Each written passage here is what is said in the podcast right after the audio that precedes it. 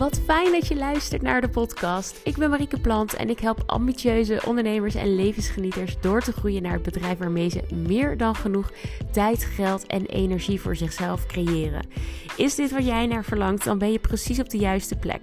En is deze podcast nu waardevol voor je? Deel hem dan in Instagram Stories of stuur me even een DM over wat je van de podcastaflevering vond. Dankjewel voor het luisteren en heel veel plezier met deze nieuwe aflevering waarin ik jou ga helpen.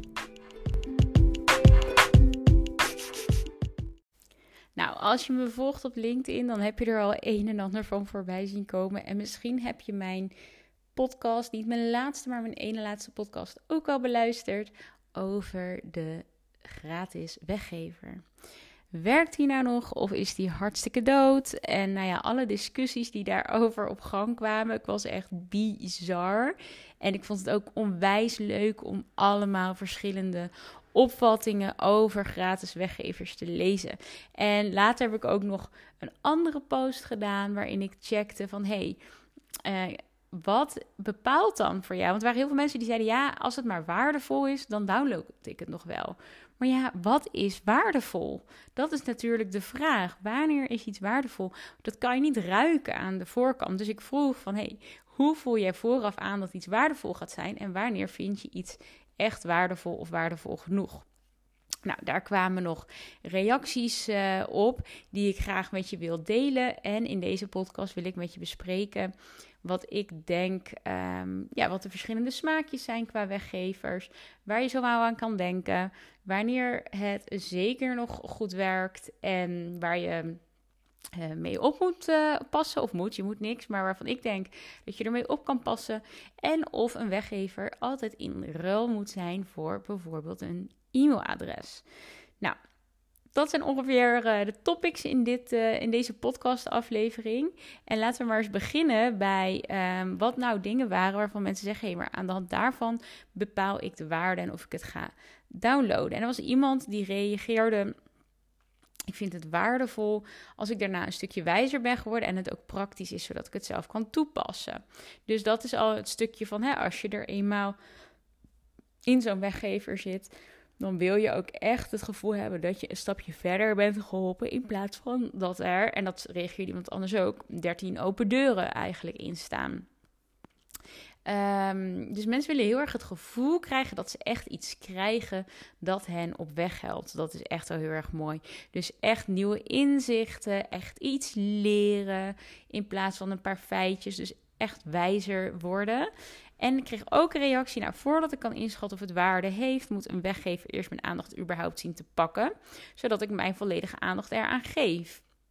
Dus echt al opvallen tussen de andere e-books van vijf tips bijvoorbeeld. En als het vervolgens beter, inzichtgevender, vernieuwender is dan ik had verwacht, dan vind ik het heel waardevol. Nou, dat was wat ik hier zo wel teruglas. Dus het gaat erom dat we heel erg graag echt iets willen leren en dat we nieuwe inzichten willen krijgen.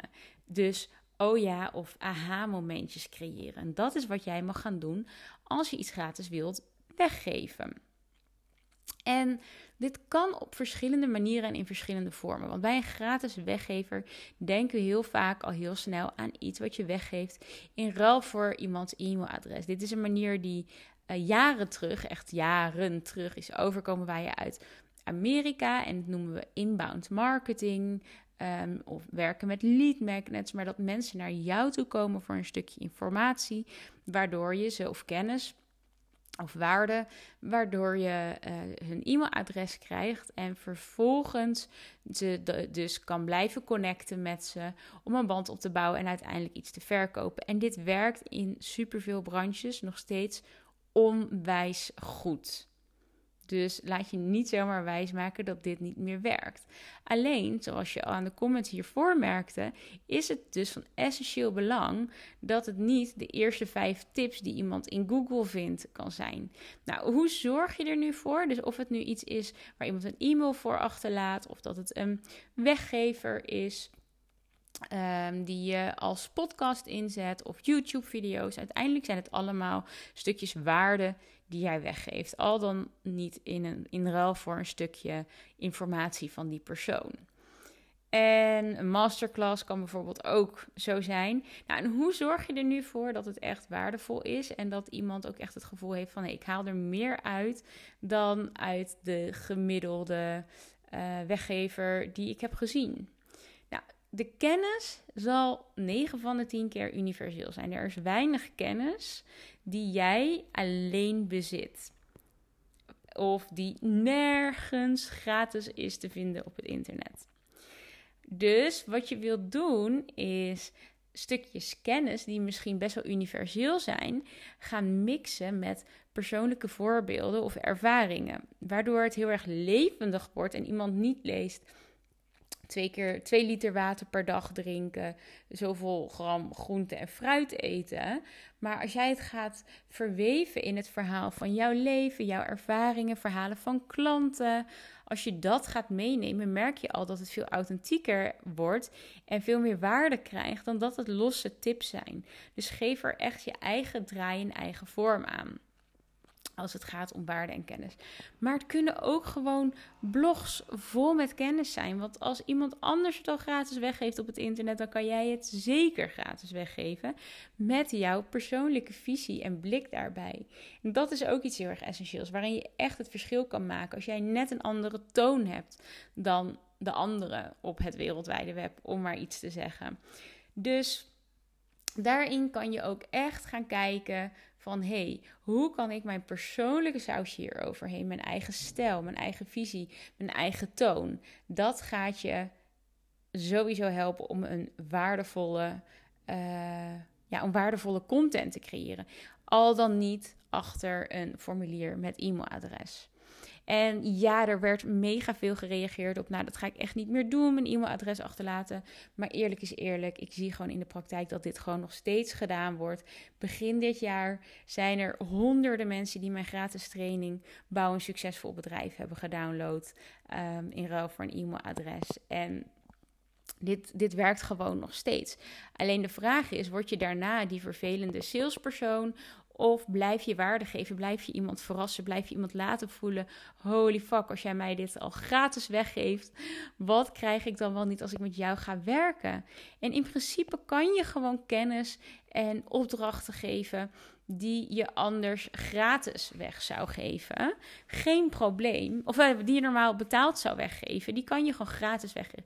Geen probleem. Want de echte transformatie komt vaak pas als mensen met jou en jouw persoonlijke ervaring, in jouw persoonlijke tools, in jouw persoonlijke energie en space zitten. Dan komt de allergrootste transformatie. Maar laat ze maar alvast proeven van de transformatie die ze gaan maken met jou. Laat ze maar vast proeven. Het zijn broodkruimeltjes. Het is alvast één lepeltje van ijs mogen proeven in de ijssalon. En het is al de real deal. Het is al precies hetzelfde ijs. Je gaat in een ijssalon ook niet eerst um, cheap fabrieksijs geven. Wat kant en klaar uit een bak komt. Als je mensen de real deal verse gelato wilt laten, wilt laten kopen.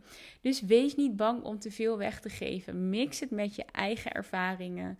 En ja, maak het persoonlijk, maak het jou, maak het op die manier anders, want de kennis is toch vaak al universeel. En natuurlijk zal er een deeltje zijn van de mensen die um, hier wel iets gaat doen met jouw weggever en een deel niet. Dus er ontstond ook allemaal discussie onder mijn post over Ehm, ja, maar heel veel mensen doen er toch niks mee en uh, dat is toch niet waardevol. Nee, het klopt. Heel veel mensen doen er niks mee. Maar ik heb ook een berg met boeken gekocht waar ik niks mee doe. Waar ik wel voor betaald heb. Dus dat zegt niet per definitie iets over het succes van je weggever. Wat wel iets zegt over het succes van je weggever, is hoeveel interacties er vervolgens op komen.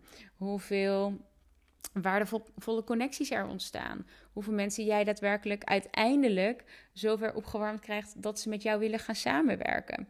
Dus dat is wat het succes bepaalt. Niet hoeveel mensen er daadwerkelijk iets mee doen. En ja, er zijn weggevers die zo goed zijn dat mensen er echt iets mee gaan doen. Dat heel veel mensen dat gaan doen. En het is jouw kans om daarmee aan de slag te gaan. Dus laat je niet uit het veld slaan met de gedachte dat misschien maar 20% er wat mee doet. Want wat als die 20% nu een handvol ideale klanten is, dan zou je toch gelijk tekenen. Nou, en dan nog eventjes de vraag: ga ik iets gewoon openbaar wegzetten? Vraag ik een e-mailadres of vraag ik een geldbedrag? Nou, daarover wil ik later nog een losse podcast opnemen, omdat dat meerdere overwegingen zijn waarin ik je graag wil meenemen wat mijn afwegingen zijn als ik dit bepaal, maar die jou ook helpen om de keuze voor jou specifiek te maken. Ik ben heel erg benieuwd of jij een weggever inzet. Zo ja, hoe die voor je werkt en zo nee, of je het wel van plan bent. Laat het me weten in een DM. Vind ik super leuk om te horen. En ik denk graag even vrijblijvend met je mee. Dus stuur me even een berichtje via Instagram of LinkedIn. Kletsen we daar verder over jouw weggever.